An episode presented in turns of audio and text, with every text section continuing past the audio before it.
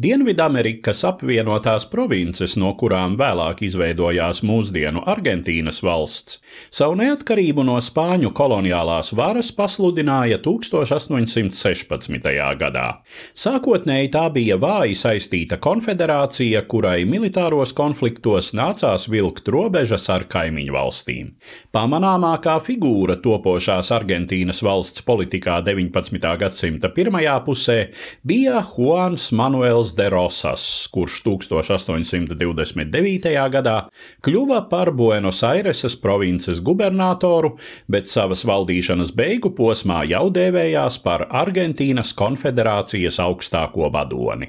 Iekšējās un ārējās nestabilitātes situācijā diktatorisku pilnvaru piesavināšanās bija lielā mērā loģiska, taču De Rosasa izpildījumā režīms drīz vien kļuva pār mēru, bargs un policijisks, kontrolējot pavalstnieku dzīvi teju visos aspektos un izvēršot īstu valstisku teroru. Diktators vienpersoniski lēma par pavalstnieku mantu, dzīvību un nāvi, un par represiju upuriem sāka krist nevien reāli opozicionāri, bet arī sabiedrībā pamanāmi ļaudis, kuri De Rosasa ieskatā labi noderēja iebiedējošām paraugprāvām. Otrajai diktatūras desmitgadēji tuvojoties beigām, vadonis sāka arvien vairāk izolēties no publiskās dzīves, reti tikdamies pat ar ministriem un nododams savus rīkojumus ar privātu sekretāru starpniecību. Tieši šo viņa varas maksimālās koncentrācijas, bet arī pagrimuma fāzi raksturo notikums, kas satricināja nevienu Argentīnu, bet arī visu Dienvidameriku. 23 gadus vecās Kamilas O'Gormanas un viņas faktiskā dzīvesbiedra Ladislao Gutierresa sodīšana ar nāvi 1848. gada 18. augustā. Kamila O'Gormana nāca no Buenos Aireses aristokrātu ģimenes, kurai bija spāņu, franču un īru saknes. Viņas vecākais brālis Eduardo mācījās garīgajā seminārā, un Kamila jau pusaudzes gados iepazinās ar viņa studiju biedru Ladislao Gutierresu, kurš vēlāk tika norīkots uz draudzi netālu no O'Gormanu mājām. Acīm redzot, mīlas jūtas, kas radās starp Kamilu un Ladislao, lika lika aizmirst kā katoļu priestera šķīstības zvērestu, tā sava laika sabiedrības striktos likumības žņaugus.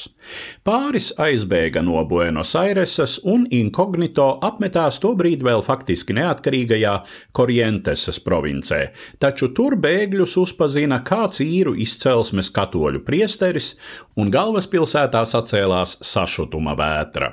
Sevišķi trakoja īru aprindas, kuru ieskatā Ogormanu Romānu meita bija aptraipījusi visas viņu krietnās kopienas reputāciju. Aizskarts sajūtās arī diktators Derosas, kurš taču bija cita starpā arī likumības garants. Viņa sūtīti vīri sagūstīja Kamilu un Ladislao un nogādāja cietumā Buenos Aireses pievārtē. Par Kamilu centās aizlikt vārdu viņas draudzene, diktatora meita Manuela, taču saņēma stingru atteikumu.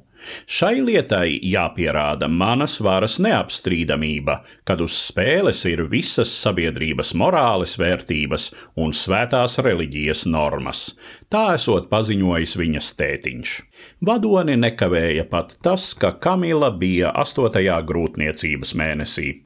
Nedzimušais bērns pirms to nogalināt līdz ar māti gan bija jānokristī, tāpēc cietuma kapelāns lika Kamilai iedzert svētīto ūdeni un veica attiecīgo rituālu.